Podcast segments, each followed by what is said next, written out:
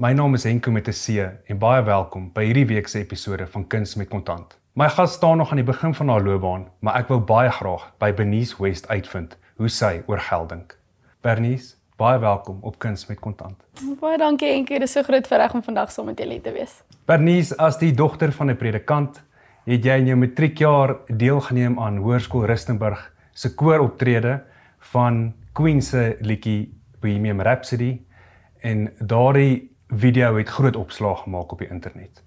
En kort daarna is jy as die naaswenner aangekondig van die Kyknet talentsoekprogram Maak my famous. Het jy prysgeld gewen en wat het jy daarmee gemaak? Ek het met Maak my famous prysgeld gewen, ja. Ons het so 50000 randjies gekry. Ek het myself drie dinge beloof as ek geld wen. Uh dit was toertasse want obviously as jy toer moet jy goeie tasse hê, 'n goeie selfoon vir content en 'n matriekvakansie. En ja, die res het ek maar in die spaarboekie gesit um vir die volgende jaar wat ons uit die skool uit is. Ons gaan musiek maak en ek het Pretoria toe getrek en um gedink ek het dit slim bemeester, maar ek was nie so slim soos wat ek gedink het nie. Het jy toe vinnig daardie geld uitgeleef? Is dit waar jy verkeerd gegaan het? Ja, ek het ek as ek eerlik moet wees, ek het ehm um, soos ek sê, dit was in die rekening kom van 'n agtergrond af waar ek nie baie weet van spaar en jy weet weet hoe om met jou geld te werk nie.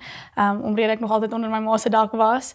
Ek het gedink ek weet wat is spaar tot en met ek actually nou geld gehad het in my rekening om mee te werk en toe besef ek net soos dit is nie so maklik soos wat 'n mens dink nie en veral soos as mense kunstenaar is wat hou van goedjies koop soos ek love shop dan het jy maar 'n bietjie guardian se nodig rondom dit. So dit het vinnig gegaan, maar ek moet sê ek het vinnig geleer um wat dit is om met geld te werk. Maar ek het 'n voeltjie oor vlei dat klere en koffie jou swak plek is in die lewe. Sou jy sê dat dit is waar op jy jou meeste geld spandeer? Definitief. Um, soos ek sê, ek het van 'n baie klein dorpie af ook gekom. So daar was nie winkels nie, daar was nie goeie koffie nie. So toe ek nou in die stad inkom was dit omtrent dit waar my geld die meeste spandeer het want ek is 'n sakker vir koffie en ek love klere.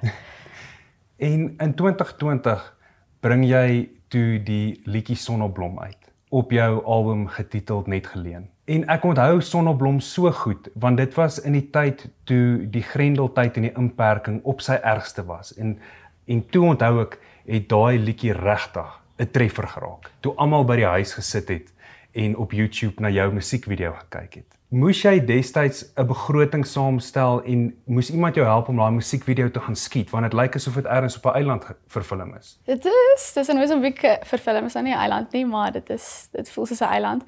Ehm um, Ja, ek moet sê ek is in 'n baie bevoordeelde posisie gewees vandat ek uit skool uit is, het letterlik aan die einde van my matriekjaar het Johan Foster en Jacomine de Wet my geteken by Inhoudhuis Musiek. En dit is net so groot voorreg want die label voorsien dan al die finansies vir sulke goedjies as hulle 'n nuwe kunstenaar wil daar buite kry. Maar ek moet sê soos as ek nie 'n span gehad het nie, ek het ook net weer eens die erns van 'n span um besef dat soos as jy nie 'n span het wat jou kan help met dit nie, Jacomine is actually die een wat al die admin doen en al die finansies en al die begrotings. Sy het nie begroot het en vir ons gesê het oor die daar's die budget vir die music video en dit is die plan, dan dink ek ook nie dit sou so maklik gewees het nie. So ek sien die bevoordeelde posisie met hulle wat 'n kans gevat het op my en belê het in my. Die sonneblom so ontplof in die media tydens daai tyd toe hulle die inperking op sy strengste toegepas het. Toe kon niemand nêrens heen gaan nie. Jy moes by die huis bly. Maar nou geniet jy hierdie sukses, maar jy kan nie op toere gaan nie, jy kan nie uit jou huis uit gaan nie. Hoe het jy dit hanteer deurdat jy tydens daai tydperk so bekend geword het, maar nêrens heen kan gaan en vertonings kan gaan lewer nie? Ek moet sê dit dit was nog 'n 'n vurk in die pad vorentoe want ek dink daai geleentheid wat 'n mens het wanneer jy nou wel in die industrie begin ingaan en is dit is blootstelling wat 'n mens kry wanneer jy op toer begin gaan en jy ja. leer hoe met mense te werk, jy leer wat dit is om te perform en dit was nie dadelik daar nie en die loopbaan het net aanhou soos op die charts digitaal het die loopbaan aanhou groei, maar ek as kunstenaar self het nog nie die ondervinding gekry om te sien wat dit is om te gaan toer en wat dit is om met mense te werk nie. En toe COVID verby is, was dit dadelik hierdie ding van okay, jy moet nou jy moet nou reg wees. Dit is nou soos jou digitale loopbaan is daar, maar jy moet nou op dieselfde vlak wees.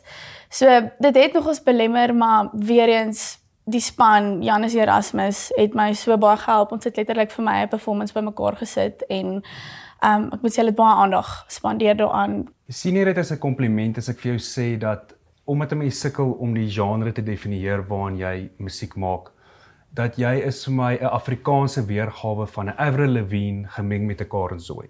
Ek ja, dankie. Ek sien dit as 'n as 'n kompliment. Ehm um, ek hou nie van van een spesifieke ding nie. Net so musiek, ek hou nie van een spesifieke genre nie. Ek love dit as daar verskeidenheid is. Ek is 'n persoon vir verskeidenheid. En ek voel ook net Ehm um, dit help my mense maak 'n album en alles klink presies dieselfde nie. Soos mense moet kan kyk vir al die mense daar buite, maar nie altyd, nie almal gaan altyd van jou hou nie, verstaan? So nee, ek ek vat dit as 'n baie groot kompliment. Dankie. En jou album getiteld Net geleen, waar kom die naam vandaan? Ehm um, so oorspronklik kom dit van 'n liedjie af wat op die die album is, Net geleen. Ehm um, maar dit het twee verskillende betekenisse vir my. Is dit maar net ek voel mense tyd hier op aarde is net geleen. Die voorreg wat ek het om op so jong ouderdom in die industrie te kan wees is ook net aan my geleen. Dit is nie dis nie myne nie, dit is genade van God af en dit is iets wat hy vir jou leen terwyl jy op aarde is.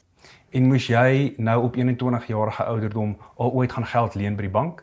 Ek moes ongelukkig teen my sin. Ehm um, ja, my kar was laas jaar gesteel en dit was dit nou dit is nou die actual groot keer wat ek nou geld moet gaan leen by die bank um, om 'n kar te koop. So ja, ek's daar gewees. Ek weet nie of jy destyds versekerings op jou voertuig gehad het nie, maar het jy 'n tipe van 'n versekering of 'n dekking uitgeneem om jou te beskerm vir wanneer jy nie kan sing nie? So, ek het actually versekeraars gaan sien oor dit en programme in die pakket deurgegaan en mooi gaan kyk, weet wat is die opsies daar teenoor dit. Uh ons het net gevoel omdat ek nog so jonk is, is dit nog nie nou nodig. Ek dink as ek 25 slaan, dan dink ek dit sal baie belangrik wees vir my om versekerings te kry want dan het ek nou al 'n hele rukkie gesing. Maar veral nou in die beginstadium waar jy weet jy nog selfverantwoordelikheid kan vat tot dusver doen jou warm-ups, doen jou goedjies vir jou stem wat dit kan beskerm. Dit is nie nou nodig om versekerings te kry nie, maar sodra mens begin ouer word en jouself baie meer in die industrie begin uitlewe, is dit van kardinale belang, ja. Ja, versekerings vir jou stembande, tipe van 'n inkomste beskerming yes. uitneem en ek weet ook jy het 'n paar maande gelede operasie in die kakebeen gehad en ek is seker jy kon nie tydens daai tyd herstelperiode werk nie. Ja, gelukkig soos wat ek met die versekeraars gepraat het en ook met die mense wat my help met my finansiële beplanning, ehm um, het ons mooi 'n spaarrekening opgestel uh waar mense ten minste ten minste 3 maande se salaris vooruit in het en dan kan jy daaruit lewe wanneer jy in 'n moeilike situasie kom. Baie slim. Mm. Jou musiekvideo vir jou liedjie kom binne is in een skoot geskiet sonder enige snitte tussendeur. Is dit baie goedkoper om 'n musiekvideo so te maak? um ek dink enige musiekvideo kan goedkoop wees as jy regte beplanning doen met finansies. Dit was dalk 'n klein bietjie goedkoper, maar dit was nie makliker nie. Hmm. Dit was intedeel moeiliker want almal moes presies weet wat hulle gedoen het. So jou tyd wat jy ingesit het was presies dieselfde as wat dit sou gewees het as jy dink weet klomp skote geskiet het. Jy was in jou ouer huis een oomblik en die volgende oomblik is jy in die kollig. Het jy oorweldig gevoel tydens daai oorgang vanaf jou ouer huis na hierdie kollig en die lewe in die stad toe? Ek moet sê dit is die skei was vir my baie lekker geweest want dit is iets wat ek nog altyd wou gedoen het om net uit te kom en musiek te gaan maak. Maar ek moet sê finansiëel, dit was nogals in 'n mate omdat ek destyds toe nog nie regtig geweet het wat finansiële beplanning is nie, was dit nogals vir my stresvol want ek nie regtig geweet, jy weet hoe werk geld regtig nie. In jou ouer huis en jou pa as predikant, wat het jy daar gesien en geleer as dit kom by geld?